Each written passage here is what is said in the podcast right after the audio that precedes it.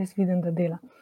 V glavnem, ko se bo počasno nabral, mi da bo pa kar začele, ker imamo kar veliko vprašanj. Ampak, da se najprej predstavim, jaz sem Urška, um, imam podjetje Dve sebi in um, avtorica dveh knjig o cepivih, dajem pa tudi ven podcaste, vloge, bloge o osebni rasti, zdravju, partnerskih odnosih. Tako da sem zelo vesela danes, da je z mano Simon Kinderman, ki bo govorila o tem, kako imeti super pozitivno porodno izkušnjo. Zdaj, veliko je za obdela danes, ki bi rada nekako razdelila na dva dela, kaj narediti pred porodom, kako se pripraviti na porod, pa kaj narediti po porodu. Um, in zdaj ene so že tik pred rokom, tako da če kdo dobi popadke, veste, ampak bo pa na koncu tudi uh, podarila dve darili. Simon Kinderman, če se lahko samo malo predstaviš, si mama petih otrok, to je kar veliko. Certificirana porodna, poporodna dula, tle imaš zelo veliko certifikatov, tako da jaz mislim, da ni bolj primerne osebe za današnjo temo. Ampak um, najbolj, da se kar sama predstaviš, da nam je stvar. Jaz tudi eh, lepo tebe pozdravljam, Urška. Sem vesela, da si, da si me našla. No, Vedno sem presenečena, ko me kdo najde. Pozdravljam tudi vse, um, ki ste, se, ste z nami. No, čeprav vas ne vidim, ste skrite za ekranom, uh, ampak si vas predstavljam nekje v tem zadju. Ne? Um, ja, jaz sem mama petim otrokom, um, starim od zdaj od 24 pa vse do, do, do 11, vse vmes, fantje, punce, mešano. Um, sem pa tudi porodna dula. Um, poporodna dula, pa veliko priprave na porod vodim, masiram dojenčke.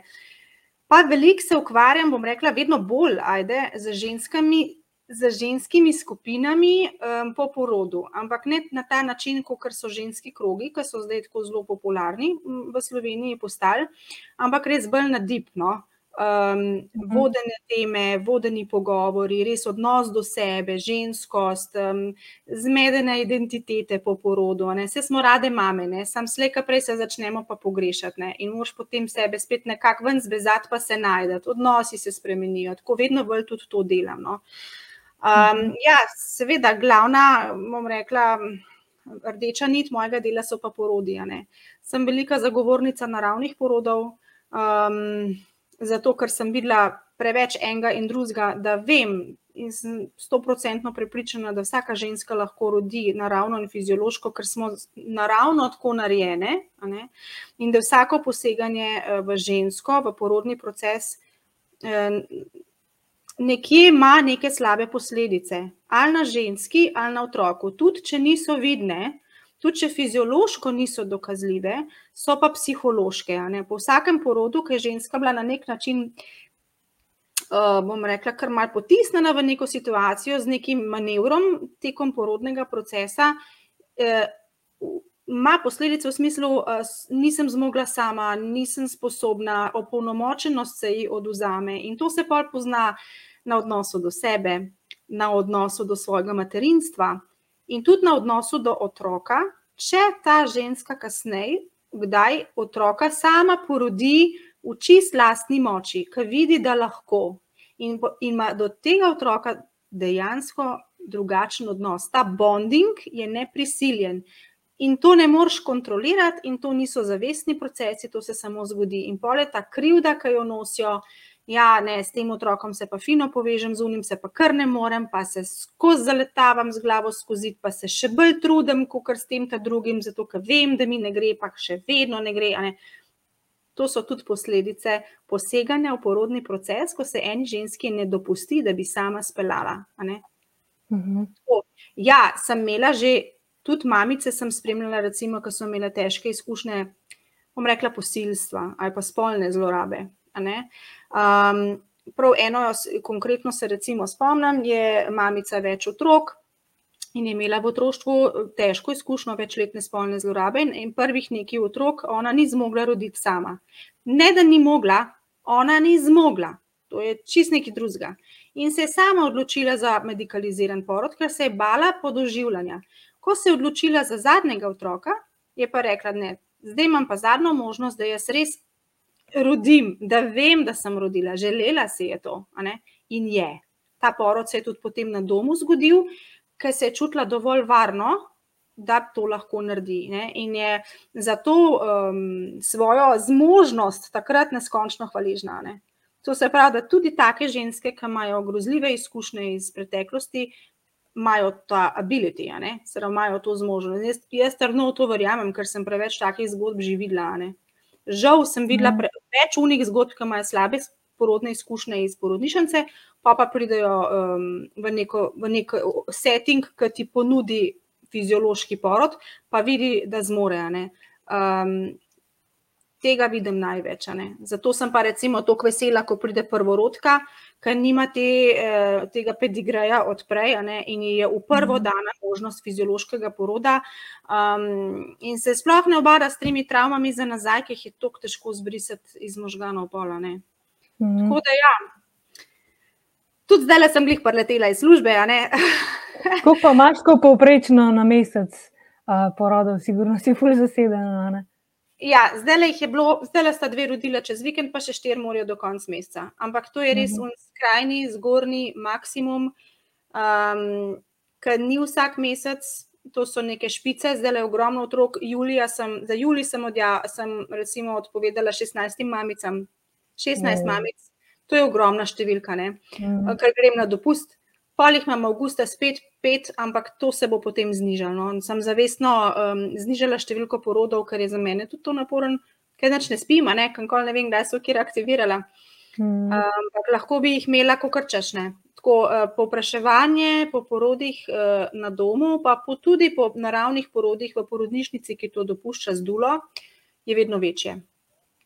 Ja, sploh od COVID-a naprej, ne, ker kao partner ne, ja. ne bi bil.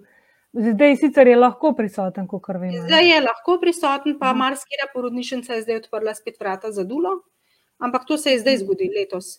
Je pa bilo eno obdobje, ja, ko tudi partnerji niso bili dovoljeni v porodnišnici in to je bilo obdobje, ko je bilo v slovenskem porodništvu največ carskih rezov Kaj? v zgodovini uh, slovenskega porodništva. Wow. Zakaj misliš, ja. ker pač niso bile? Same so bile. Same so bile. Kako si v enem članku 50%, si ti 50%, pa partner eh, ne bi imel tako pomembno vlogo.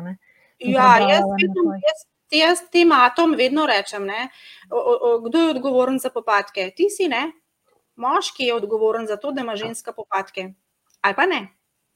Če recimo on ne zmore zdržati njene bolečine, njenih prizadevanj, bo tudi ona težko rojevala, čeprav je zraven ali pa da nima mhm. tako korektnega odnosa, ali pa da je odnos seksualiziran. Pa, ja, je problem spoštovanja ne?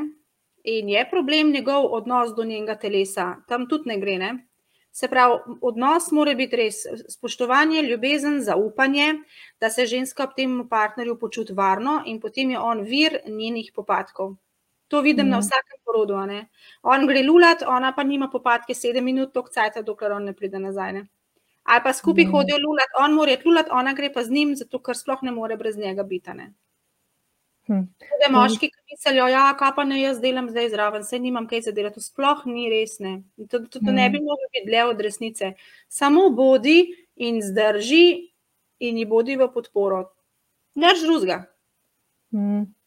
Ja, meni se spomnim, da je pri prvem porodu, um, mislim, da pet ali šest ur ni šel lulat, ne, uh, jerne. In pa li, in pa li, ki prijemo porodnišnica. In tam, ja, lih sem se, se umiril, ne, nisem imela popadka in on gre končno na vece in tam je tak liberin, da se je zgubil. In pa je že začnejo, veš, sred poroda, od njega pa nikjer in so ga babice iskale po celi bolnici in je lih ujel uh, porod. Da, ne vem, kako bi brez njega. Ampak recimo, da ženska nima partnerja, uh, to je pa še toliko bolj pomembno imeti dulo ali pa vem, prijateljico ali pa sorodnico, ja. da je tam zraven. Ja, jaz sem bila na parih porodih, ko smo šli same, uh mhm. -huh. ampak so se tako odločili. Neki so se prej zgovarjali na to temo, pa so rekli, jaz s tem nimam težav, ampak vi dva oba morata biti s tem ok. Uh mhm. -huh. On da ne gre in ona da on ne gre. In sem imela različne. Ne? Sem imela en par, ko ona prvič rekla, ne, jaz nočem, da greš zraven, ker nočem, da to gledaš, jaz se ne bom mogla sprostiti. In on je rekel, se tudi jaz ne bi zmogel biti zraven, jaz tega ne bom zdržal. V redu, pa smo šle same, mm. za drugega otroka je pa že hotel biti zraven. Mm. Pol sem pa imela en par, ki ona ni hotela, da je on zraven, ampak ta odnos je bil izredno seksualiziran, jo je varal te, tekom nosečnosti in sem razumela. Ampak je pa on hotel biti. Pa pol ni bil, je čakal v, v Avli na jesenicah, na, po, na porodnišnici, mi dve smo pa bile v porodni. Um, tako mislim. Pa sem imela tudi pred leti, se spomnim, eno, ki tudi ni hotela, da bi on bil zraven, pa je tudi on potem bil v Avli. Tako pač vedno moraš spoštovati željo nosečnice. Ampak tam, mm. kjer ona ne želi, da je on zraven, tam odnos ni v redu. No. Tam mm. odnos ni v redu. Pa bila sem v COVID-u, enkrat z eno, um, za prvega otroka smo bili vsi, za drugega otroka sta se pa ona dva odločila, da grem jaz, ker je on presodil, da ne bo mogel pomagati. In ni bilo v redu. Mi dve smo rodili, sicer keks, a ne, drugi otrok je bil tako ali tako, ona je krasno rodila. Ampak um, na njun odnos, mislim, oba sta jo kala pred vrati porodnišnice, sem jih še enkrat vprašala, sem kaj sta zihar, da jaz grem in ne ti, ja, jaz sva zihar, sva zihar, ne. Ampak sta bila čisto zlomljena, in ko je otroka rodila, je tudi jokala, kadaš, zato ker on tega ni doživel. Mm. Je vplival na njiju, tako da partner je nepogrešljiv. To je mm. vpliva na vseeno. Pustimo hormone, ki lahko to znanstveno podprejo. Jaz to gledam tako čisto iz psihološkega vidika, kako vpliva to na odnos do otroka, na njiju med sabo, na družino. Mislim. In to so take stvari, ki jih nikoli, nikoli več ne moš nazaj dobiti. Ne? Samo enkrat je, ne, ne moš popraviti. Mm. Ti je žal, še, še kako ti je žal, ampak ne moš popraviti. Ne. Tako da, ja. Mm. Kjer porodnišnico pa drugače priporočaš, mislim, da si omenila uh, jesenice. Ja, glej, če si ena mamica želi naravnega poroda, fiziološkega poroda, ja, potem jesenice. Če pa ni mm. za to možnost, Potem pa lahko izbira med katero koli porodnišnico v Sloveniji, vse so zelo medicalizirane, samo da ene prej vstopijo v medicaliziran, uh, bom rekla, porod, kot druge. Okay. Uh, ampak za fiziološki, za naravni porod, definitivno jesenice. Ja. Okay.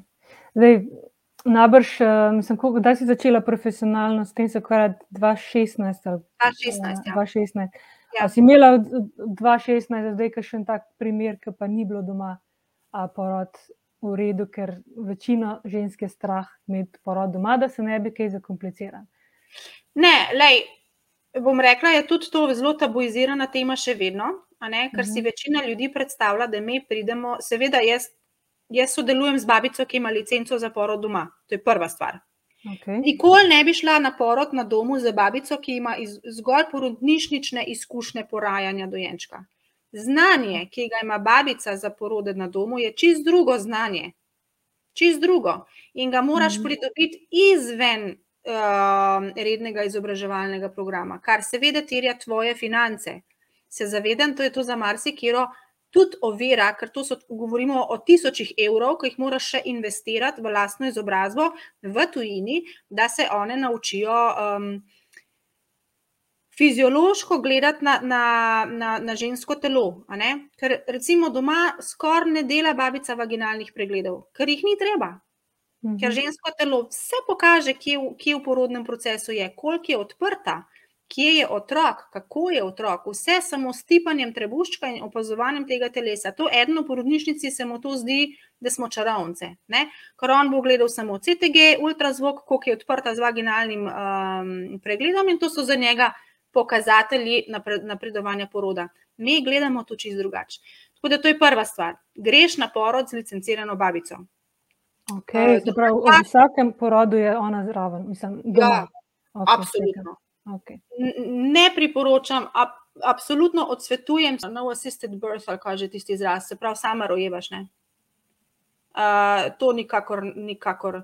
Um, ja, ženska ima vse zmožnosti, da rodiš doma, ampak lahko pride pa na koncu ramenski zastoj in sama ne boš rodila. Mm -hmm. Ne boš rodila, ker otrok ne more rame zrotirati in rabiš babico, ki bo ramo zrotirala.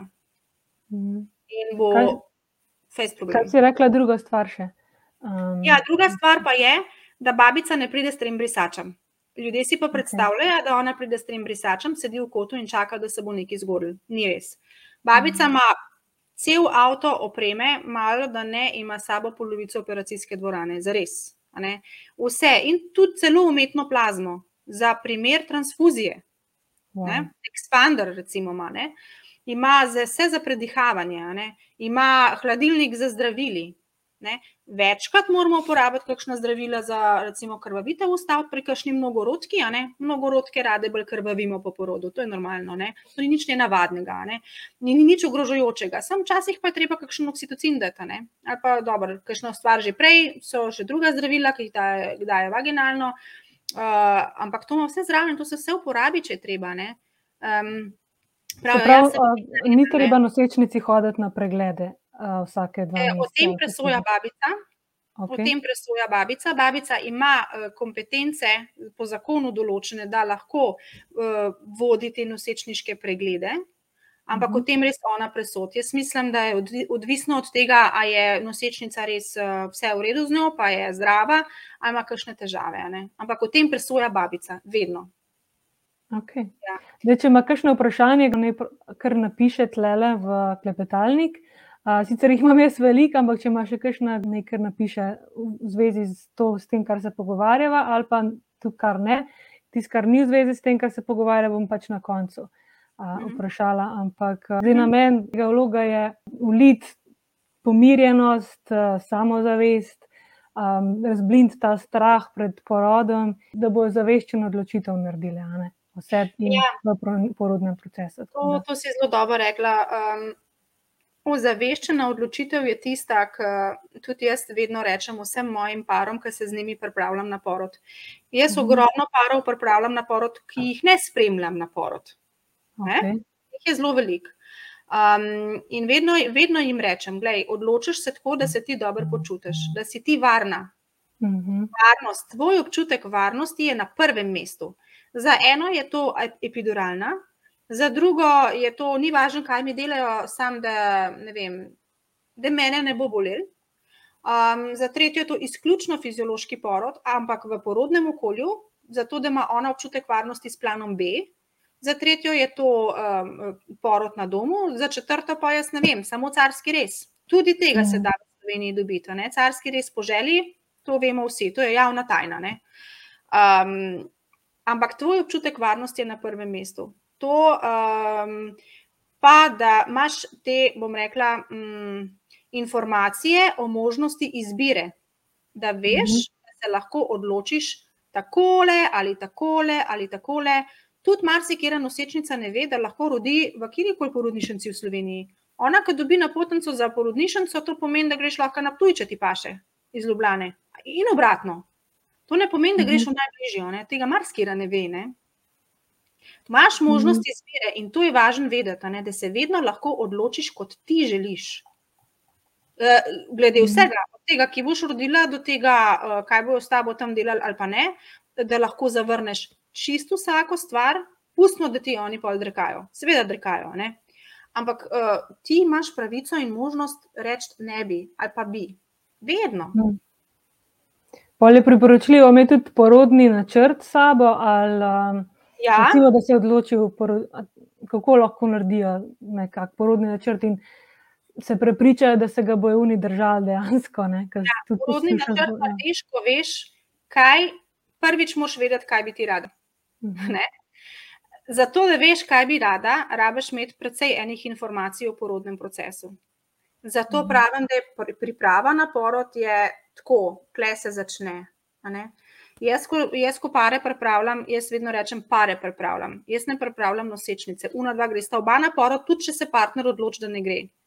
Psihološko in v njeni glavi in v njenem srcu pa gre. To se pravi, par pripravljam.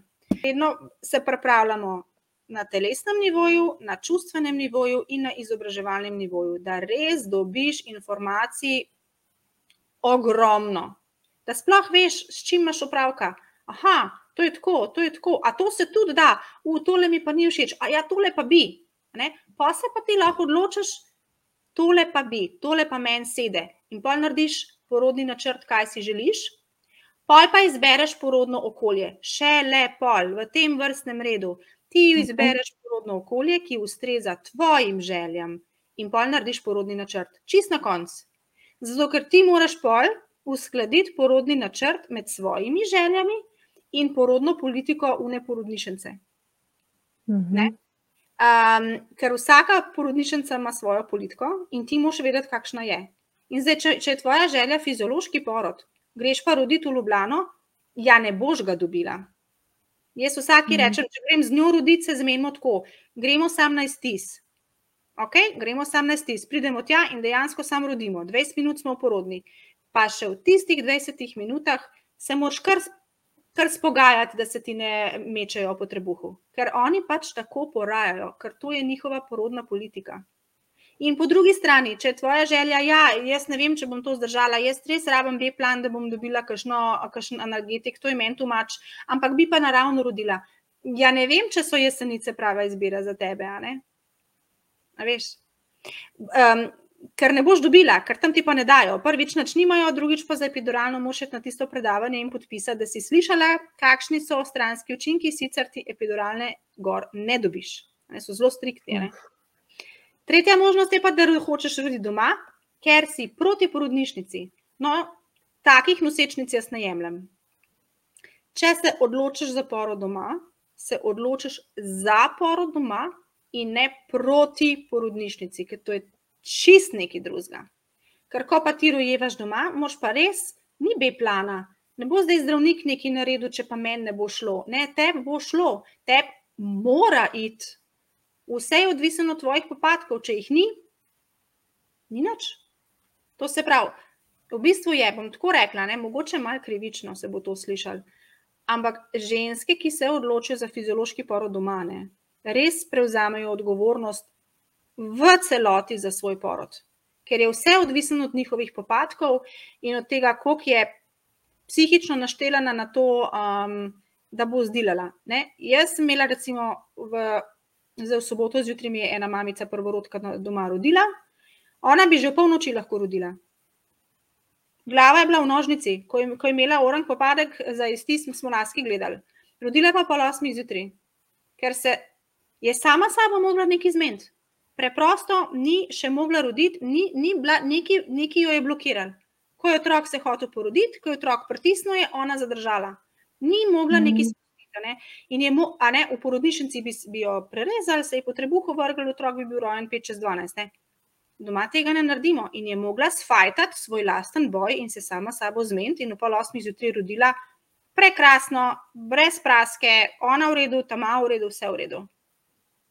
Ampak je bila njena odgovornost in ona kaj, je vedela. Kaj pa nazaj držali, mislim, kaj, kako je pa zdaj preskok naredila? Nismo, nismo delali še vrednotenja, ker še danes je četrtek, rodili smo v soboto, je prezgodaj, nimaš še tega mm. uvida, ne, premalo časa je pretekalo. Jaz imam svojo teorijo, sicer to so vedno psihološki procesi. Mm. To so razno razna pričakovanja in strahovi o tem, kako bo pol.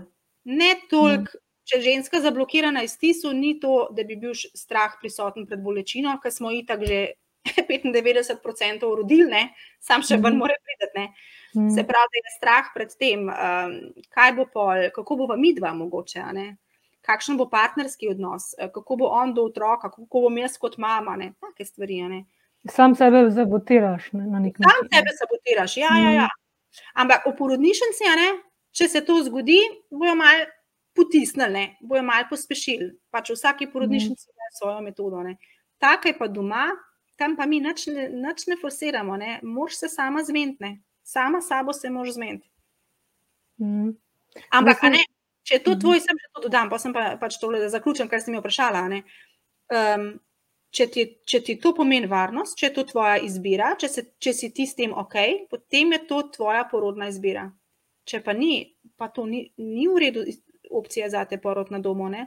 Jaz nobeni ženski kar ne rečem, da boš rodila doma. Ne, ti se boš odločila. Ženski je treba vedno mm. pustiti um, to dostojanstvo, da se sama odloči glede vseh stvari. Tlele, v bistvu ne, nisem čisto razumela vprašanja. Prej ste omenili, da za naravni porod jesenice medikalizirani, ne vem, če sem si zapomnila pravi izraz, pa kjerkoli. Ne vem, ja. kako je bilo mišljeno pristop same porodnišnice ali kako drugače. Aha, vse razumem, razumem jaz. Okay. Na jesenicah res imaš možnost roditi fiziološko.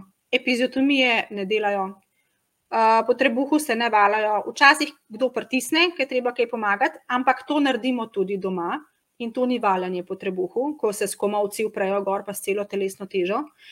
Um, Sprožajo porod zdaj, odkar je COVID bil, imajo ene glupe zakone, ki jih je nije zadal ven, da morajo ženske, ki so imele COVID, na PDP sprožiti. Ampak to nisem na jesenicah, to je po vsej Sloveniji, v vseh porodnišnicah, ker to je od nije zapršlo. To ni stvar jeseniške porodnišnice. Hm. Tako da zdaj sprožajo na PDP, če je imela nosečnica COVID in to je grozno. Um, drugač pa oni niso usekani na sprožanje, uh, tudi ne na neko pospeševanje poroda niso. Ne? Če se tepna za nek na sredini ustavi, te pustijo, da greš spat. Ne?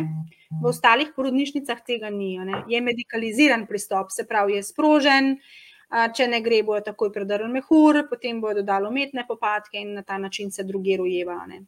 Ja, to je, to je medicaliziran. Čim ženska karkoli dobi v svoje telo, je medicaliziran porod. Mhm. Zdaj, ko si jih omenila, COVID, um, ti si imela pač primere, tudi ko so imele te nosečnice COVID. Mhm. Kako so ga prebolele? Nosečnice prebolijo ta COVID, kot da jim načni. To je neverjeten. Vse, mhm. vse super. Ni bilo nobenega. Pri nosečnicah ja. ni bilo nobenega zapleta, zapleta. s COVID-om. Zanimivo. Zanimivo. Ja. Kaj pa vidiš, telo, otrok ja. pomaga? Ja. Če me vprašaš, otrok pomaga. Ne? Ja, se strinjam. Um, kaj pa s temi, ki so bile cepljene proti COVID-u? Ja, teh pa ne jemljemo. Ne? Uh, teh pa pač na zaporod na domu ne jemljemo, zaradi tega, ker je znano, da uh, je zapletel zaradi tromboze pri cepljenih za COVID-om, je pač veliko zapletov. In tega mi doma ne moramo imeti. Ne moramo si prvošati je življenjsko ogrožujoče stanje, to tromboza, tega doma ne delamo. Ne. Tako da, če je ena cepljena proti COVID-u, ni kandidatka za porod doma. Je mhm. preveliko tveganje. Recimo, da, da rodiš doma, kao 50% manj možnosti za cesarski rez, 25% krajši uh, porod, 60% manj epiduralne, 40% manj pitocina. In, ja, to so podatki iz Amerike, oni imajo pitocin. Iz Amerike. Ja, ja. Okay. pa tudi tale um, epiziotomija, ne? mislim, tam jo dejansko delajo na domu. Mhm. tudi v Nemčiji na porodih doma delajo in v Avstriji ne? delajo epiziotomijo. Jaz tega sicer ne zastopam, pa nas jo mhm. absolutno ne, ne, boh ne dene. Um, Ampak ja, seveda, ne, eh, tega, zakaj? Zato, ker žensko telo funkcionira v, svojem, v svojih naravnih zmožnostih. Ne. Hormoni delajo, telo dela v svojem tempu in je ni nujno krajše, sploh -hmm. ne, zato ker vmes eh, v naravnem porodu so velikrat plato faze, um, sploh pri prvorodki. Ko uh, kar malo gasnejo popadki, ker je otrok utrujen ali pa je mamica utrujena in to ni noč tazga, to ni zastoj. To je samo platofaza. Mal jemo, mal pijemo, pa gremo spat.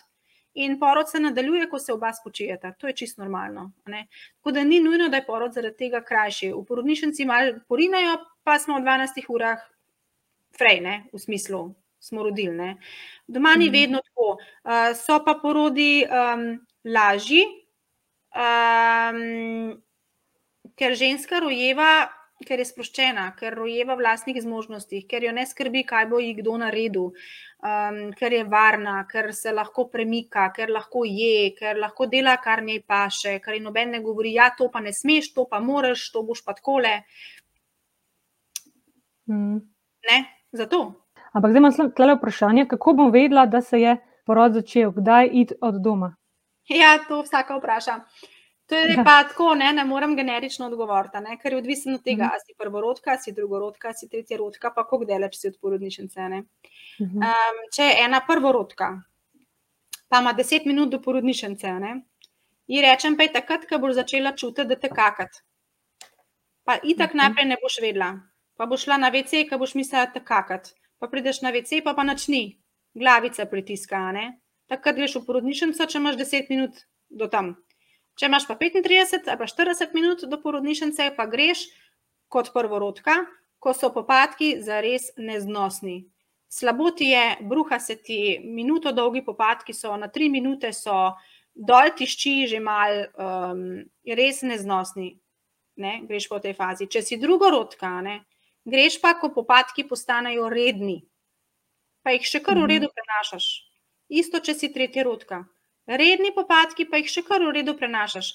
Ne čakaš, da so neznosni. Boh ne dej, ne se lahko rodiš v avtu. Um, bom rekla, edin pri prvorodki res, da lahko čakaš do te neznosnosti, oziroma do prvih tistih občutkov, da bi rada kakala, vse ostale pa ne. ne morajo iti naprej. Je ja, to ni nujno, da pa voda odteče. Okay, pa, ja. Najmanj porodov se začne z odtekanjem plodovnice, samo 10 mhm. odstotkov. To je redko. Mhm. In ni tako fajn v resnici, sam ne moreš več pomagati, če se to naredi. Ni pa tako fajn, zato ker um, prehiter voda se ne gre več, kaj en deci ven. Občutek imaš, da se je fululil, ampak se v resnici ni, ni več prostora, kaj za en deci pred glavo. Tisto gre ven in ta glava hitro nasede dol. Pade dol in običajno ne pade pravilno dol.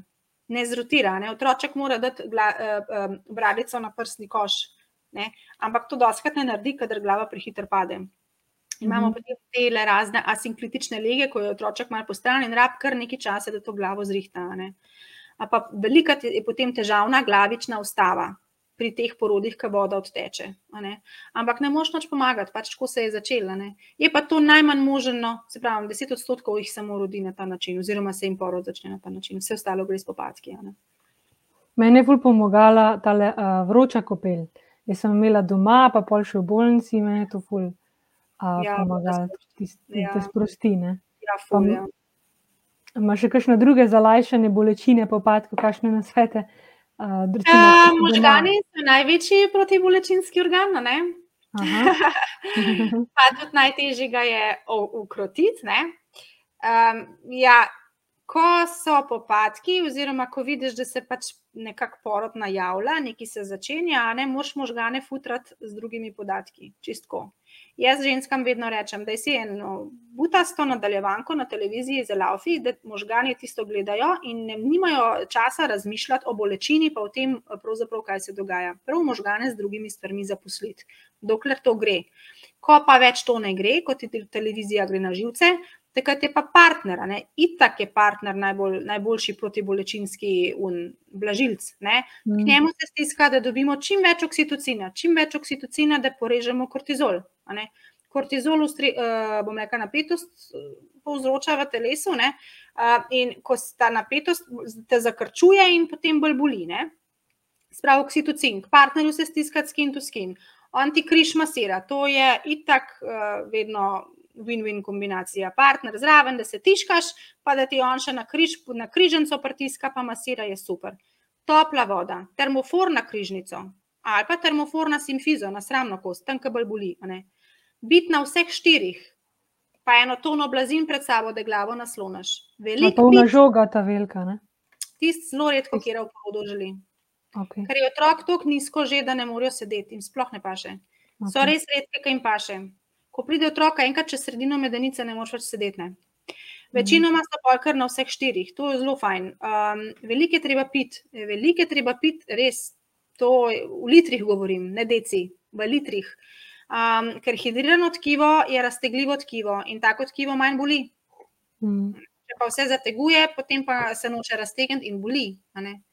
To, pa vokalizirati. Jaz vedno rečem, protibolečinsko sredstvo je vokalizacija. Naj ti ne bo nerodno upiti. Okay.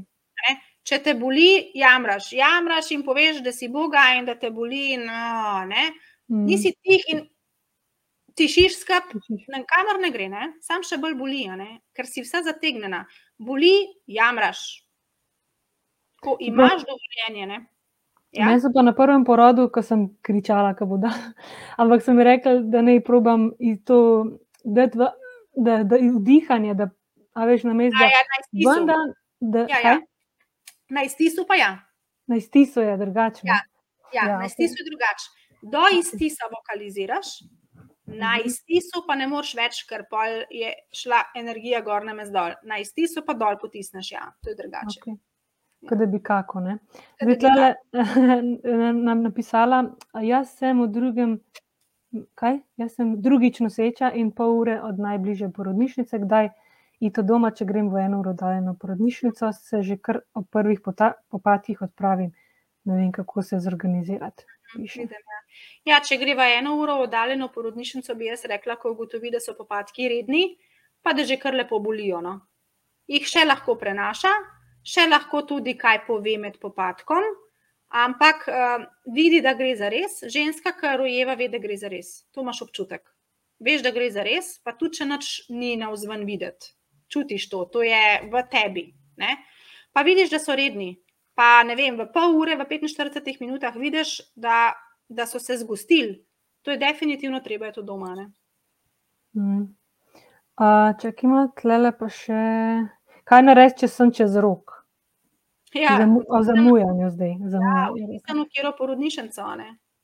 Jaz vsaki rečem, lej, ultrazvok je pokazal, da je vse v redu, CTG je pokazal, da je vse v redu, podpiši papir, da na lastno odgovornost greš domov. In prideš nazaj čez dva dni na CTG, zato da vidimo vsi, kako je z otrokom. Ker oni izsiljujejo, oni manipulirajo. Jaz, da boste vi kriva, če bo kaj narobe, vi prevzemate odgovornost, seveda, oni se tožbe bojijo, vsi se tožbe bojijo, da jih ne bo kdo tožil. Ne? In morajo mm. nekam to odložiti in preložiti. Se samo to je. Ne gre za to, da je z otrokom kaj narobe. Itak ni. Uh, in ti preložijo, ne? in ti podpišeš un papir in greš domov. Ampak je pa to zelo veliko breme, ki ti ga naložijo. In redko, kjer nosečnica to sprejme, ker je to res težko. Z ultrazvoki je pa tako. V zadnjih dveh letih so ponoreli, kar se tiče ultrazvoka. Sploh več ne znajo narediti uh, enega kontrolnega, običajnega uh, nosečniškega pregleda brez ultrazvoka. In kaj imamo mi na porodih? Otroke, ki se tako rojevajo. Hm. Skoraj vsak. Zato, ker otroci slišijo ultrazvok, njime je na glas, tako da bi šel vlak mimo šest tok na glas. In se vsi skrivajo. Ne? In potem komentarji od ginekologov, ja, kako imate sramežljivega otroka, ne? kako se skriva, se noče pokazati. Ni res, umika se. Ampak ker je tam mm. dol, ker je ta otroček že tako velik, tako malo prostora, te roke tako le ustanejo in pol je treba to roditi. In to so težki porodi, ker imaš poleg glave še 3 ali pa 4 cm zraven za čez spravljanje. Tako da ultrazvok jaz ne svetujem. Ne? Mm. Narediti tisto, kar je najnujnejše. Tisto, kar je najbolj nujno, in to je morfologija. Mhm. Ostalo pa ni treba. Nekdo uporablja roke, ker znajo leopoldove prijeme uporabljati. Z starimi babiškimi leopoldovimi prijemi potipaš otroka čez cel trebušček, točno veš, kje je kaj. To delamo mi, ki delamo na porodih doma. Ro roke uporabljamo, se ti čisto vse povejo roke. Mm. Nobeno ne škoduje. Zdaj, najbrž so kakšne, ki imajo čez en teden ali pa čez par dni že rok. Um, zdaj, kako se v tem primeru pripraviti? Če nimaš, mislim, časa,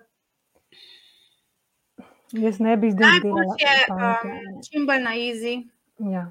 Oh, ne dej na kakšen hrib hoditi, da bo hitrej, ker se samo trudiš in potem telo nima energije, da bi se spopadal z porodom.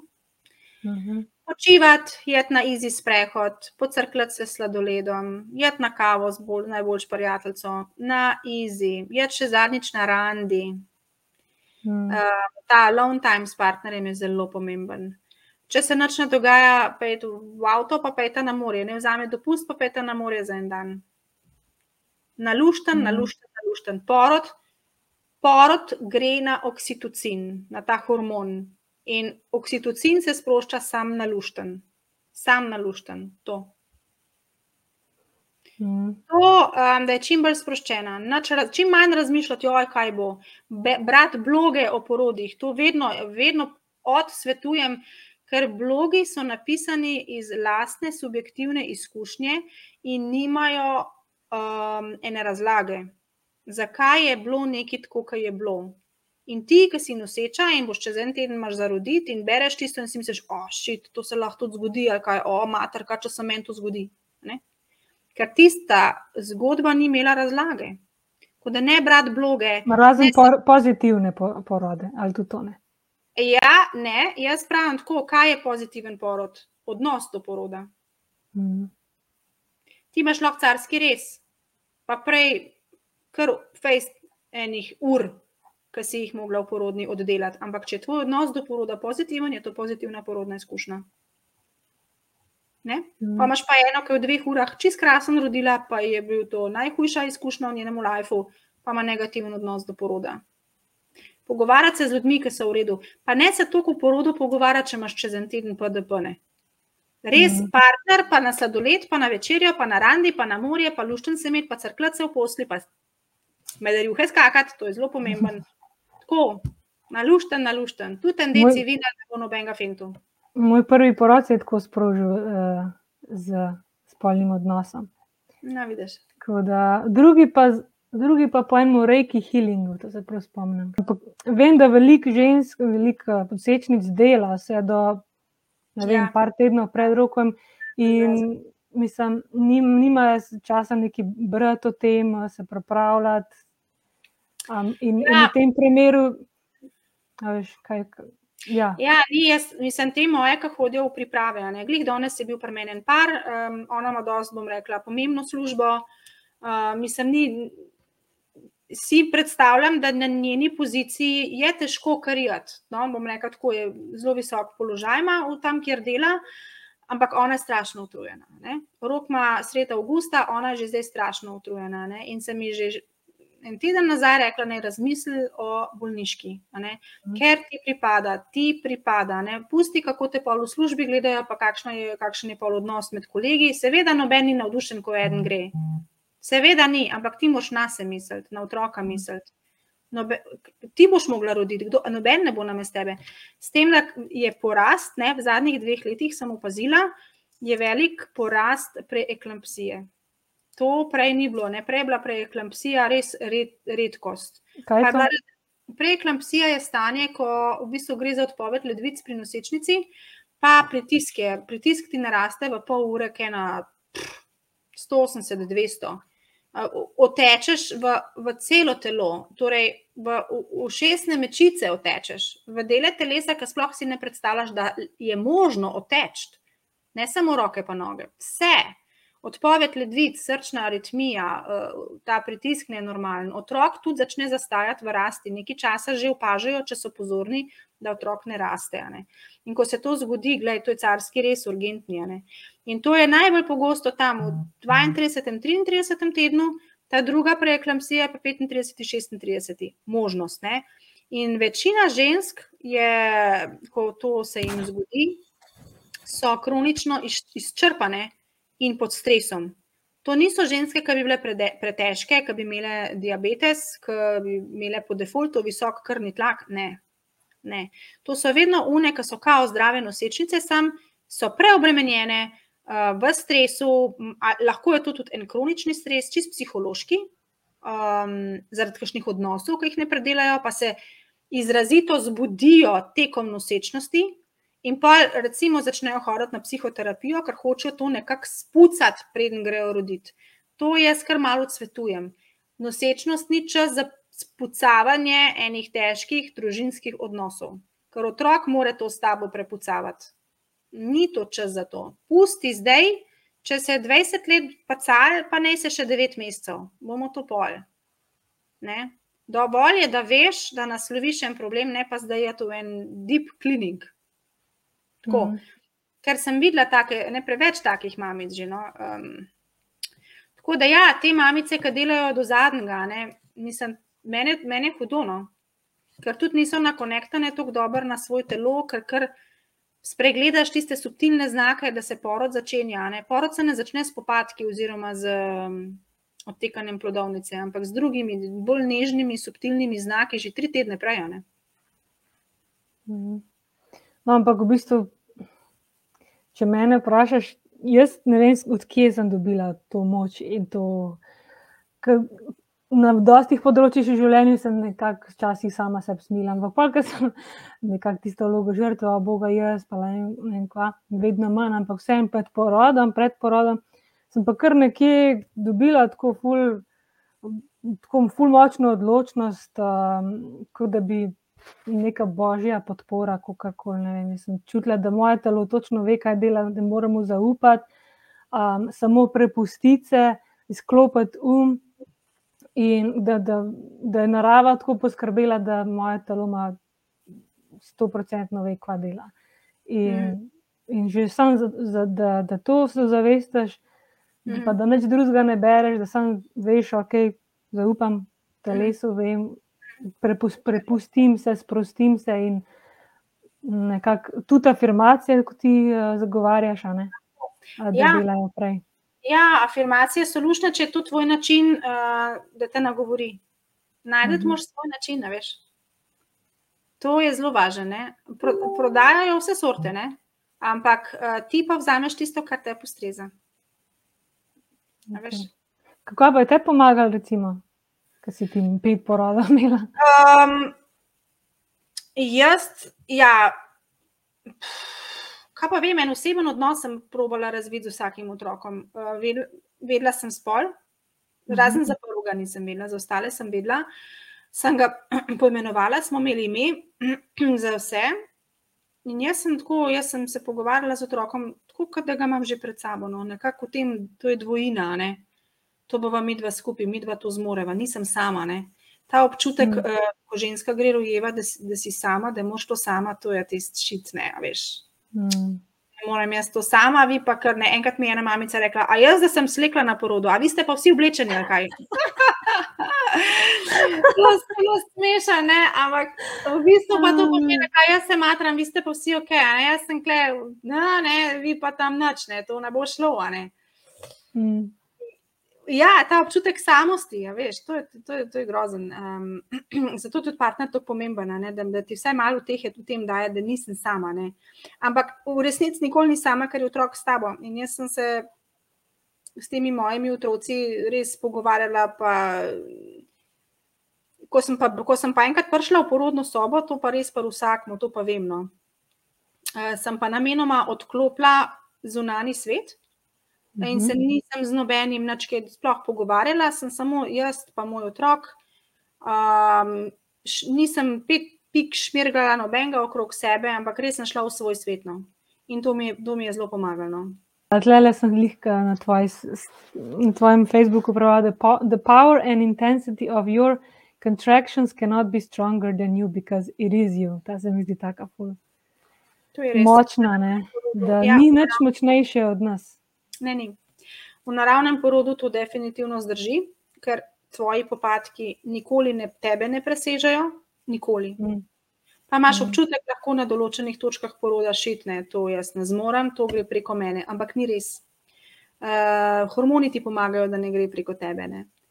Medikaliziran porod pa gre. Ker tvoji hormoni, čim dobiš nekaj umetnega v telo, tvoja hipofiza no, ne, noče več proizvajati toliko hormonov, kot prej, in pa ti nimaš več te pomoči. In pa, pa pa ne zmoreš, pa pa gre preko tebe. Pa pa, pa, pa, pa, pa čutiš, da to nisi več ti, ampak da je drugo. Ne? Zdaj pa sem ugotovila, kako delite kran. Prej ni dela. Zdaj, ki si jih pri, pri hormonih. Ne? A, ja, vidiš, to smo doma naredili, to mi je hči naredila. Sem jih narisala, pa mi je pa ona naredila ta plakat. Zdaj imamo še eno, kako mi lahko partner pomaga. To smo že povedali. Kaj meniš o porodu v vodi? Ja, super. Ja? Ja. Voda je medij, ki ful sprošča. In včasih. Um, Ma ne, velikrat, velikrat psihološka podpora, support ni za dost. Rabiš še eno zunanjo tehniko, kar res nuca in to je voda. Voda je top. Uhum. Če nimaš bane ali pa noč, pa vsaj pod tuš pet, pa stoj, oziroma čepi, sedi pod tušem, pa ne voda teče. To je top. A, mislim, porod v vodi. Ja, ja. Doma imamo bazen, če ga kera hoče imeti, ne? Okay. Je bazen postavimo porodni. V Sloveniji pa drugače lahko rodiš v vodi v postojni, sam je samo okay. ena bana in to je problem, če je zasedena, pa ti bi rada vodo, poljo nimaš. Na jesenicah te pa po tuš vozijo, non-stop ti ti tuš ponujajo in, in ga ženske res orang koristijo. No. Ja. Mhm. Voda je pa top. Tudi možnost uh, prenosa kakšnih okužb je eh, manjša v vodi, kot pa izven nje. Okay. To manj pravi... Pritisk na, pritisk na presredek je manjši. Recimo. Manj no. raztrganin je, je v vodi. No, če bom še kdaj rodila, sigurno v, v vodi. Se pravi, doma v banji ali rabiš kakšno poseben bazen? Ne, ma, mi, mi imamo bazen. Aha, ni, ni priporočljivo v banji. Zakaj? Mislim, če imaš dovolj prostora, če je bajna dosti velika, pet not ne. Problem je Mhm. pri banji, ker večinoma niso, so preoske, pa potem niso to komod, pa trde so. In pa Mhm. dajemo noter kakšne jo- joga podloge, da so malo mehkejše, da, da, da vse ne boli, ne? ker bazen je mehak, ne. Uh, je pač je napihnen, ne. Ampak mi imamo dva porodna bazena, um, eden je malo večji, drugi je malo manjši. Tako, veliko žensk se odloči za bazen. Ja. Mm. Okay. Tlele eno vprašanje, kakšen, kakšen položaj je najboljši za roditi? Tisti položaj, ki najlažje potiskaš. Mhm. Ni Vem, da nujno na ne hrbtu. ali- Na hrbtu, je, no. ne, na hrbtu pač ni fajn. Ne? Zakaj ne? Ker sploščiš medenico, križnico noter obrneš, trtico noter obrneš in dobesedno zapreš vrata otroku, da bi prišel ven. Zato se na hrbtu res ne rojeva. Kjerkoli drug položaj, sam na hrbtu ne. Vendar pa na vsake tok vidim nosečnico, ki ji pa paše na hrbtu roditi. In če ugotoviš na iztisu, da tukaj pa najlažje potisneš, je to tvoj položaj. Okay. To je samo v določenih primerih, ko otrok res pod posebnim kotom prihaja um, in mamici to ustreza. To je- so redke mamice, ampak so take mamice. Zato jaz pravim, ne se držati kot pijan splota enega položaja. Ja, ta je pa najbolj ustrezen, pa pa na porodu nikamor ne gre v tistem položaju. Veš, menjaš položaje, mal si na enem boku, mal si na drugem boku, mal si na vseh štirih, pa greš mal na stranišče sedeti, pa si tam tri popadke. Za rotacijo otroka je ful pomembno, da menjaš porodne položaje. Prav iztis, iztis je pa v tistem, ki si tekom menjave pogruntala, tole mi pa sede, takole bom rodila. Ker to nagonsko takrat čutiš, kje lahko potisneš, kje pa ne moreš. Ker po, potisneš lahko v tistem položaju, ko glava fino gre česane. In ti zdaj, ko si noseča, ne veš, ali bo prišel z leve ali bo prišel z desne. In tudi takrat, ko si na porodu, ne rabiš vedeti, ker čutiš. In tako, kot ti najlažje gre, tako potisneš. Tako Je pa fajn, da se čim več premikaš, da nisi skozi Čim več premikaš, statika ubija porod. Statika ubija. Prehoditi. Ne, ali na kako? iztisu itak ne moreš hoditi. Ne. Mislim, prej, ne. Prej pa, ja, če ti paše, če ti paše, je treba tudi šparati z Mhm. močmi. Čas med popadki je namenjen predvsem počitku. Eh, Ne samo tvojemu, ampak tudi otrokovmu. Ko ti počivaš, počiva otrok s tabo. To je zelo pomembno, zato da ima on dober puls. Ampak na samem iztisu pa menjamo, uh, menjamo malo en bok, malo drug bok, malo na vse štiri, uh, malo na hrbet, malo na školko. Ne? Vse te uh, položaje in na koncu rodimo v tistem, ki njej ustreza, ki ona sama vidi, da ja, tole mi je ful dobro, tako le bom rodila. Mhm. Zdaj pa še po porodu, zdaj pač to popkovino ne, je fajn, koliko časa da utripa, pol ure, približno. Oh, ja, mi doma pustimo dve ure pa pol. Ne? A ja, Ja, v še še- porodnišnici. E, ja, tam se jim pa Mhm. mudi. Ja. Ja. Oni pravijo, da ni pulza po sedmih minutah, to ni res. Ne. Eh, Doma vidiš, ko potipaš popkovino po 45 minutah, pa še vedno utripa, je še vedno puls. Ja. Pustimo kar dve ure, pa pol, uh, vsak kri gre čez v tem času, in ko mi režemo čez dve ure, pa pol, ne preteče več krine. Ne, in tudi posteljica je bila prej, ne vem, bom rekla, da je skoraj za polovico manjša, čez dve ure pa pol, ker se osuši, ker vsa kri gre ta čas do, čez eh, popkovino kot otroku. ne. In popkovina je na začetku, ko se otroček rodi, res full debela, močna, kot en kabel, ne, orang. Um, potem je pa po dveh urah, pa pol je pa taka, kot ena korenina od orhideje. No. Nikakva, posušena, siva, suhcana, nič. In tisto z lahkoto prerežeš. Medtem ko popkovino takoj po porodu težko prerežeš, ker je res kompaktna. Ne. In kar špricne kri ven, seveda, ker je še tok pritiska. Ne. Mhm. Ja, Pa sam, tudi- Ja. Ne, težko, mislim, porodnišnici se ne moreš zmeniti, da bi to dlje časa pustili, ker imajo tako porodno politiko, da oni to hitro, hitro, hitro. Razen na jesenicah sem letos aprila, zdaj na zadnje, ko sem bila aprila gor, um, pa ni bil več problem se zmeniti. Tako da to je, sem bila pozitivno presenečena, da so tukaj naredili tudi na jesenicah en premik naprej, ker so drugače so naravno, pa vse, ampak tukaj pa niso imeli toliko enega posluha. No. Deset minut smo se še spogajali, pa bi pa oni kar prerezali. Ne. No, zdaj, zdaj so pa pustili. Zdaj so pa pustili. No, Ker je mamica izrazila željo, ni bilo problema. Ampak to je zato, ker oni imajo porodno politiko tako, da otrok, ko se rodi, ostane pri mami še dve ure pa pol in ga ne odnesejo na tehtanje, na meritve, na, na, na oblačenje, na nič. Zato, ker njih pri njihovem porodnem procesu to dejansko ne ovira. Otrok se rodi, gre na mami na prsa in tam ostane. In ko gre placenta ven, jo dajo zraven v ledvičko in to je to. V vseh ostalih porodnišnicah pa hočejo otroka takoj stehtati, zmert, obleči vse. In valjda morajo prerezati popkovino, se kako pa češ pa drugače narediti. To je porodna politika. Ne? Zato sem prej rekla, da moraš vedeti, kakšna je porodna politika. Zdaj, ki si umenila placenta, priporočaš, da je to kapsulo? Če to v eni ženski veliko pomeni, naj da v kapsule. Mar si kdaj naletim na nosečnico, ki hoče tudi uh, en košček placente pojesti? Jaz osebno ne bi, ampak meni je težko narediti smuti pa ti pa naredimo banano, pa veliko jagodičev, ja, kokosovo vodo, pa malo placente, no, to vse zmiksaš v blenderju in to spijo v ja. treh dozah. Ja. Če ona verjame, ne, veš, če ona verjame, da je to za njo dober, potem je to za njo dober. Ampak to si lahko prvošmo doma, ki je ne medicaliziran porod. Ne? Placenta je v tem primeru intaktna. Čim pa ti dobiš eno umetno stvar, pa ti ne moreš tega potem več uh, zaužiti. Jaz pri drugem porodu sem dala v kapsule, ampak ne vem, kako bi bilo, če ne, če ne bi. Mislim, ja. Sem se v redu počutila, span, spanje je bilo kul, cool, uh, boljš kot pri prvem porodu, ampak lahko da je bil placebo. Ampak rekla sem, Lej, da bom pravila. To so tako deljena mnenja, ne maram se niti opredeljevati. Ja, če si ena ženska zaželi, tudi uh, v homeopatiji. Škodoval ne bo. No, ne, škodoval ne bo nobeno. Ne, ne si to naredi. Kako je v porodnišnicah glede neomivanja otroka, je, možno, je tudi možno samo na jesenicah? Um, ja.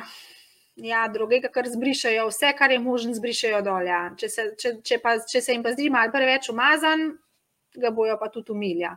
Na, jesen, na jesenicah ne. ne. Tam obrišajo samo obrazek, pa ščistijo porod, tole nosek. To je to. Pač stale rezanje popkovine je povezan tudi z tem, koliko vitamina K uh, dobi novorojenček. K vitamin uh, je naravno v novorojenčku zelo malo, zato okay. ker on rab redko kri. Ker narava je predvidela, da on dobi vso kri še iz placente, tam so matične mhm. celice, ki so zelo velike. In te matične celice morajo potovati po njegovem telesu, in zato rabi redkejšo kri, da je to sploh možno. Če ti mhm. -huh. njemu kri zgostiš, ima njegova jedra problem. In ko on dobi K vitamin, ki mu ga dajo v porodnišnici, imamo mi problem in potem zastaja ta bili rubin dejansko v jetrih, ker une ne, ne zmorejo tega, ker je kri pregosta. In tako pride do te zlatence, ki je lahko tudi ogrožujoča. Um, K-vitamin ga nima dovolj gli za to, da ta kri lahko uh, lepo potuje po telesu. Tudi mamino mleko ga prve tri tedne nima dovolj, ker otrok rabi, ne, ne rabi še K-vitamina toliko. Ja, ja. Šele kasneje, šele po treh tednih se to nekako vrednosti znormalizirajo. Ampak v katerih primerih pol sploh rab? Več. K-vitamin. Ja.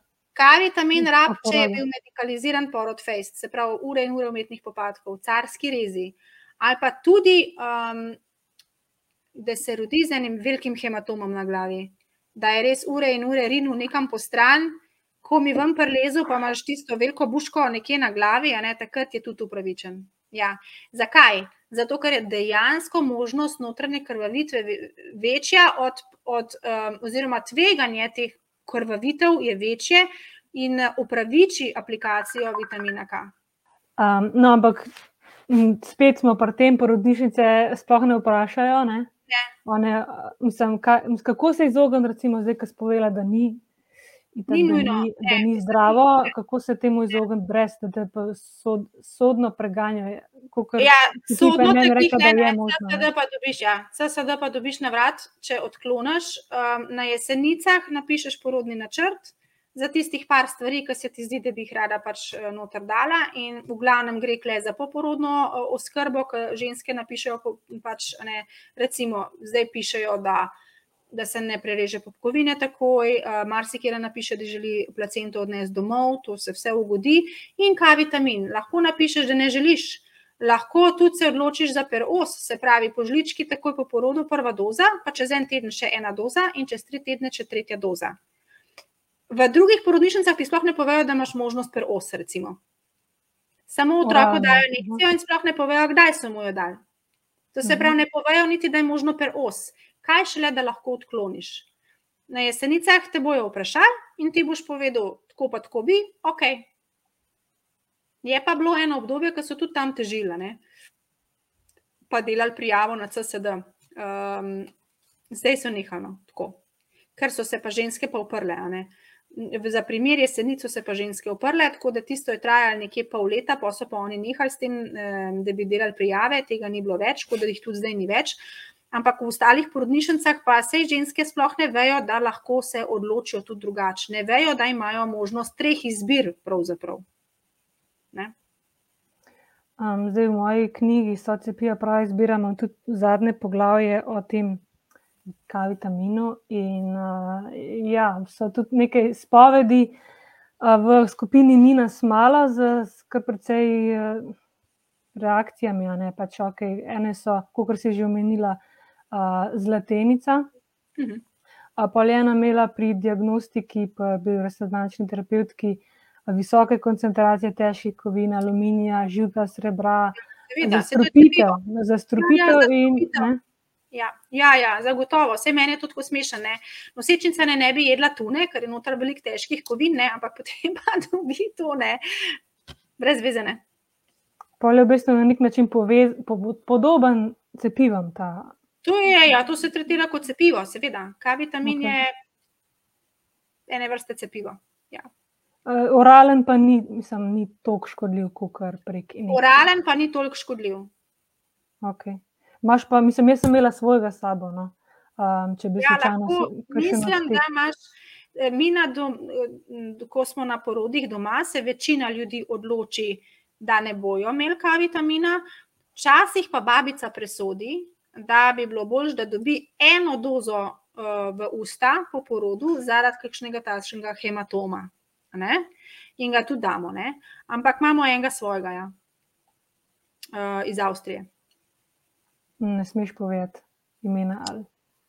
A veš, da niti ne vem, zato ker okay. bi mogla babica vprašati. Okay, no, ja. panike. Vem A, samo, da ni nešno. Ja. Ampak kako je pa pol, smo zdaj po porodu že, um, kako je pol s temi cepivi pri treh mesecih, šestih mesecih, devetih ja, mesecih, ali je sploh no, novorojenčkovo telo pripravljeno na take količine? Seveda ni. Seveda, mm. Jaz sem dala moje otroke cepiti sicer po programu takrat, ampak po partah. To se pravi, da sem eno dozo DTP-ja še razdelila na tri. Ko je moj drugi otrok dobil diagnozo Aspergerjev sindrom, sem se pa z vseh otrocih na to zgovarjala, da imam enega otroka kaj takšen in da to se mi več ne gremo, tako da se pa noben več ni cepil. Sem se skozi na to zgovarjala in sem se posod dobro skozi prišla, ne, s to karto. Ne. Drugače je to zelo težko uh, speljati, ker je zakonodaja res grozna. Lahko pa odložiš cepljenje za eno leto, to pa je dovoljeno. Odložiš cepljenje za eno leto. Sam, več o tem jaz težko govorim. Tudi ne, nimam toliko podatkov, to se je treba obrniti na une uh, kroge, ki se s tem prav ukvarjajo. Ne. Tale Simona Rupar, ne, ona ima eno zasebno uh, Facebook skupino, prav uh, svobodo, svobodo odločanja glede cepljenja, kako se že imenuje. Oni izobražujejo na to temo, ne, kako speljati, da ne cepiš. Hmm. Ampak samo v živo, nimajo nič online. Ampak, um... ja, to pa ne vem, vem, ja. da so škofje loki, pa da Samo so živo, ja.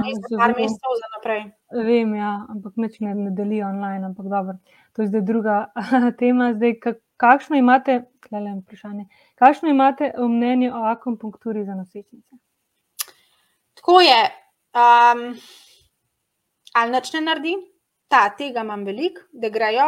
Ved, prva stvar je, zakaj se odločiš za akupunkturo. Kaj bi rada s tem dosegla? Ne? Naj, najbolj pogosto je, da me ne bo tako bolel.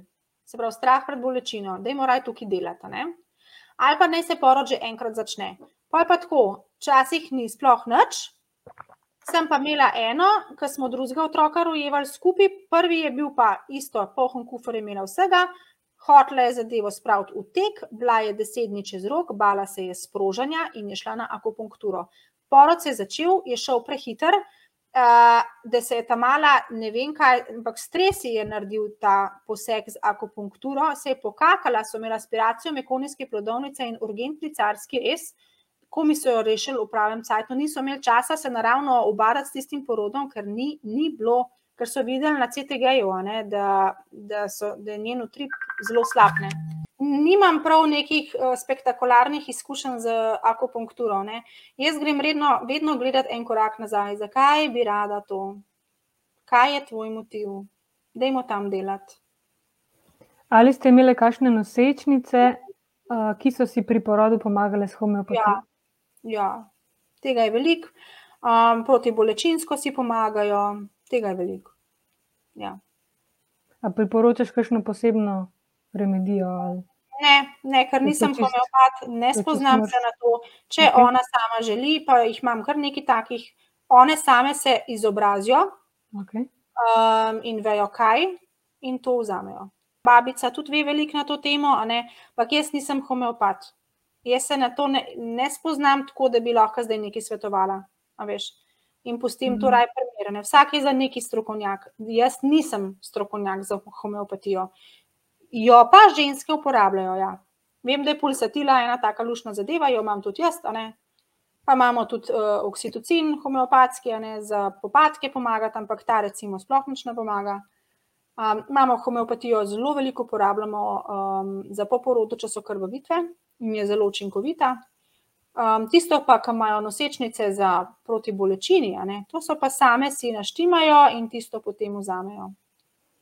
Te celi, celične soli, ali kaj so že te baje za. No, ne poznam, bo prvič slišal po. Ja, soli, jaz sem imela to na, po, za celjenje. Ampak um, šivanje, pa ona babica tudi to dela. Pol. Šivamo nikoli. nikoli. Še niti enkrat. Nikoli nikoli doma ne šivamo. Wow. Zato, ker se tkivo, tudi nimamo takih raztrganin doma, da bi ne, veš, bilo vredno kaj zašiti. Kaj pa sem kakšna, kaj pa sem kakšna redka, da ja. Um, ampak to se nikoli ne šiva, zaradi tega, ker se tkivo takoj v 24 urah skupaj zlima, ti moraš sam počivati, enoč sedeti, nogce skupaj in se za cel, le čez en teden ne veš, kje je kaj bilo. Jo, kaj bi jaz to videla nič se ne šiva. Mm. Ker, a veš, uh, ko ti šivaš tkivo, vedno šivaš um, otečeno tkivo, rahlo otečeno tkivo. Ne? In pa, ko se to od, tkivo odteče, ne? to se pol vleče. Veš, to se pol vleče in zato so te, um, ran, mislim, to, ko šivajo, to, te, te brazgotine, ne? so zategnejo tkivo in so boleči spolni odnosi velikrat. Ne? To, to veliko slišim. Ne? da so res boleči spolni odnosi še leta po šivanju, ker so tam pač tako zašili, da se nekaj potegnem. Ne? Pa pa mm. grejo nazaj, pa sprašujejo, kaj lahko naredim. Rečejo, ja, najbolj še enkrat prerežemo, ne? pa še enkrat zašijemo, mislim, halo, tako da ne. ne. Ja, ja. Pri pr drugem porodu je bil šivanje veliko hujš, kot pa porod. Tako sem, to sem pa imela res občutek, da sem kos mesa. Da, ampak tudi, če je full huda krvavitev, ne šivaš. Ne, se ne šivaš. Če je krvavitev, je blažila. Ampak doma, če je huda krvavitev, ni bilo tkivo, ampak je žila bila. In žilo je treba zašiti. In žilo bi tudi doma zašil, ampak še nikoli ni šla žila. Hvala mm. Bogu. Mm, ampak babica ve, je žila ali ni. Brez skrbi. Zato pa imaš babico na porodu. Kakšno mnenje imate o presajanju? Kaj to? Ja, jo, le, to je me prezveze, mislim. Ampak to je tudi ena stvar, ki je pri nas kao nujna. Ne? V, v 72 urah moraš otroka dati na presajalne teste, iz žilice v glavi mu vzamejo kri, na 21 testiran. Uh, fenilketon urinija je na prvem mestu, ki testirajo, pa ščitenca na drugem, pa pa enkrat presnovnih bolezni, bolj za statistiko, kot za karkoli drugega. Zdaj, če rodiš v, porodiš, v porodnišnici, otroka po 48 urah po porodu, tako odpeljejo na štaco, mu to naredijo, noben več ne pove. Doma pa tem, ko rodijo, jim pa moramo to povedati. Ampak jim povemo tudi, da imaš možnost odkloniti, niti treba jeti na presejalne teste. V porodnišnici recimo tega ne zveš, ker tam avtomatsko naredijo, nihče ne pove. Tem doma pa povemo, in marsikdo ne gre, ne? ker doma sem rodila v miru, a zdaj pa tretji dan po porodu se v avto basala, pa z otrokom, pa ne, ne. In greš lahko to narediti, ko je otrok star en mesec in ima redni pediatrični pregled. Pa tudi takrat imaš možnost odkloniti, torej niso nujni. Ker pa sem tudi kakšna taka gajsna mamica, ki odkloni tudi to, pa pač se bode s sistemom, ne. ker poslušaš jih pa fejst. To pa ja. Mm. Ampak v bistvu tako, jaz vedno rečem, ne. Um, Meka, mislim, tako, te, kar ujevajo doma, ne, mi jim nudimo še res toliko enega podporta in toliko kontrole prvih 14 dni po porodu, da vidiš, če z otrokom nekaj ni v redu. Vidiš, če presnovno nekaj ni v redu. To se vidi na blatu, vidi se na tem, kako je, vidi se na tem, ama mama mlek. Ker če ga ima, pomeni, da ta malo fajn vleče, če ga mama nima, tudi ta malo fajn ne vleče, zdrav otroček. Ne? Uh, ali pa fajn se doji, pa teža ne napreduje, kontroliramo težo, ne, imajo veliko kontrole in vidimo, če so stvari narobe. Una mama pa, ki po treh dnevih gre iz porodnišnice, pa doma nima nobene kontrole. Ne, in če ne zna stvari opazovati, če ne ve, kaj more gledati, ji lahko kaj uide. Ker presnovne bolezni se pokažejo na blatu, na naraščanju teže ali ne. ne pač. Spet se moraš sama odločiti, ne veš. Mhm. O, mislim, da so kar veliko obdelali. Če je slučajno še kakšno vprašanje, ampak da bi pa kar počasi zaključile. Um, um, glede strahu pred porodom, bi še kaj glede tega, edin, uh, na koncu, kako na najbolj efektiven način strah pred porodom presežeti. Najprej treba ugotoviti, če se te strah. Hmm. Verbalizirati ga, uh, torej. Najprej, če te je strah, ga ozavestiti. Pol verbalizirati je že pol manjši, čim ga izgovoriš. Pol mu je pa treba mesto dati. Ampak, le, mislim, v petih minutah se to ne da narediti. Hmm. Mi na pripravi na porod eno, eno celo srečanje namenjam sam temu. Uh, daš po strahu svoje mesto, posadiš ga na stol in mu poveš: Le, jaz te vidim, jaz vem, da si tam, ampak jaz sem večja od tebe. Ti se tkle, jaz bom pa ta cajt trudila. Hm. Ne pretvarjaš se, da ga ni, ker to ni dobro, ne daš ga pod preprogo, pa delaš tako, ne. Mu daš svoje mesto, vem, da si tam, ja, me je strah, ampak jaz bom to zmogla. Na ta način. Pa verbalizirati, pa pogovarjati se z nekom, ki ti zna stvari pojasniti. Velikrat je strah zato, ker ne vemo nič kakšne imamo možnosti. Kak, a veš, know-how rabiš, ko greš na porod. No? Tako, glede komunikacije z osebjem, glede tega, kaj ti pripada in kaj ne, kaj lahko, kaj ne. Ne pa da si na milost in nemilost prepuščen nekomu, ki si nekako prisiljena, da mu zaupaš, čeprav mu naraj ne bi. Ti si pa v položaju, ker nimaš izbire. Trebuh je tam, otrok je tam, roditi bo treba, kaj naj jaz naredim. Jaz moram tem ljudem zaupati, sej nimam druge izbire. In to je ta, veš, boj v tebi, ki tudi naredi ogromno strahu in frustracije. Prav, strah je treba najprej ugotoviti, iz kje izvira. Najti osebo, ki se lahko o tem z njo pogovoriš. Tudi to je priprava na porod. Ne? En ful dobro citat si objavila enkrat, da je najpogostejši način, kako ljudje izgubijo moč, ko mislijo, da je sploh a, nimajo. Ne? Uh mhm. -huh. In a, da zmoremo veliko več, kot si mislimo.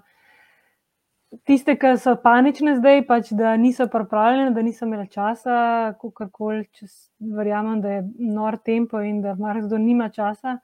Ampak, kot smo že prej omenili, če poslušaš telo, če poslušaš intuicijo, da ti se prepustiš in izklopiš um, pa, pa strah daš na stol, kot si rekla. je pol že, boš sigurno zmagoslavna. Pol po Ja. porodu se počutiš. Ja, samo ne, nama, ne, ki nismo noseče, je to Ja. enostavno reči. Ja. Ko imaš pa ti trebuh, pa otroka, not pa ura tik taka, ne, Mm, je pa ta prešer, da, je- da si pravzaprav stisnjena v kot in nimaš izbire, ne? ti moraš iti čez to, ni, ni zdaj le enkrat bo treba, ne? je pa to Mm. ful težko. Ne? Res je težko. ja. V glavnem, da smo že na koncu darilo, je a, prvo darilo je pet, brezplačni 15-minutni a, individualni posvet s tabo, ampak Mhm. samo za tri. A, tako da jaz sicer ne vidim tle sploh a, imen, ampak um, pišite meni ali pa Simon. Tako, na A, mail mi in- napišite, da ste bili na tem webinarju, da jaz vem. Ja, lahko sem še svoje kontaktne podatke daš, A ki Ja, te a, lahko ljudje najdejo. ja, na Simone Afna, Simone Afna, roditi z nasmehom.com. Kar na ta mail, Mhm. pa napisati, da, da ste bile na, na webinarju, pa bom vedela. Pa se bomo pa naprej dogovorili za telefonski pogovor ali pa takole za videoklic. A, pa imaš pa spletno stran, ne? Ja, spletna roditi stran z. Roditi nasmehom.com. Tam so pa vse, kaj jaz delam, s čim se ukvarjam, um, v meni veliko stvari. Tako. Ja. Mhm. No, Lahko povabim, mogoče lahko še to. aha, Ja. Drug teden v soboto imam eno tak lušten enodnevni odmik za vse mamice, tudi za noseče mamice, a, v temnici na Krasu. To je ena prečudovita kraška vasica s še lepšim razgledom na morje, na, na Tržaški zaliv, na Monfalcone, res prekrasno.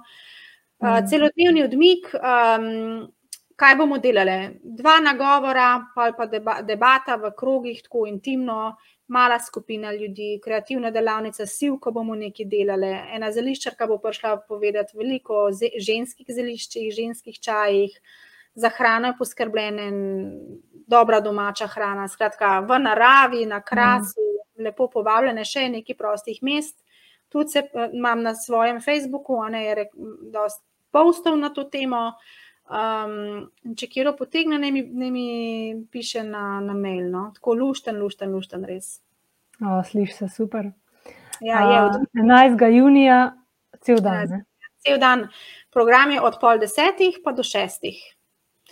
Morje je deset minut stran, tako da marsikera mamica bo prišla z starejšimi otroci, pa možem, pa oni se bo šli kopati, ona bo pa z nami. No. To bojo veliko naredile, ali pa so si zabukirale vikend, pa grejo nekam prespati, potem da bojo na kmečkem turizmu, tako kot mal. Lahko si tudi tako narediš, ne malo podaljšanega dopusta, ali pa pač sama prideš, kaj ti bolj ustreza. Ne? Tako možnosti je fulno. Hmm. Tam je res Super, če bi bila v Sloveniji, evo, bi, bi bila tam, ampak me ni, sem na Irskem. Ja. A, drugo darilo je pa, glede na to, da je danes a, mednarodni dan žrtev, jaz ne maram te besede, ampak a, kakorkoli, žrtev po cepljenju. A, jaz podarjam v bistvu 15% popust na moje dve knjige in delež od teh a, prodaj gre direktno civilni inicijativi Staršev za zaščito otrok, um, ki se pač uh, ho hočejo zagotoviti pogoje za normalen razvoj otrok. In to so v bistvu starše iz cele Slovenije uh, v tem društvu, ki so strokovno usposobljeni za delo na tem področju in redno sodelujejo z strokovnjaki iz drugih strok, iz medicinske stroke. V glavnem, Ja, to sta te dve knjige, zaenkrat še nista stiskani, sta v procesu, tako da je na voljo samo elektronska verzija, ampak je pa koda popust 15 na moji spletni strani zvestcebi.si.